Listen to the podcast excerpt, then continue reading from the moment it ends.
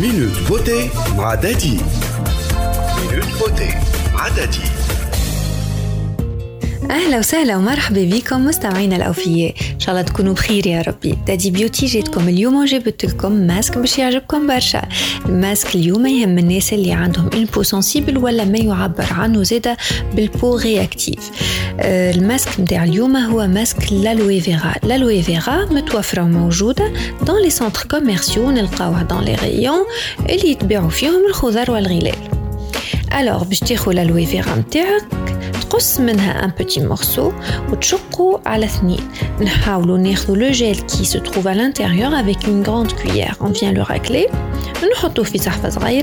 On dit d'allier deux petites cuillères à café de miel. On le mélange et on l'applique sur le visage.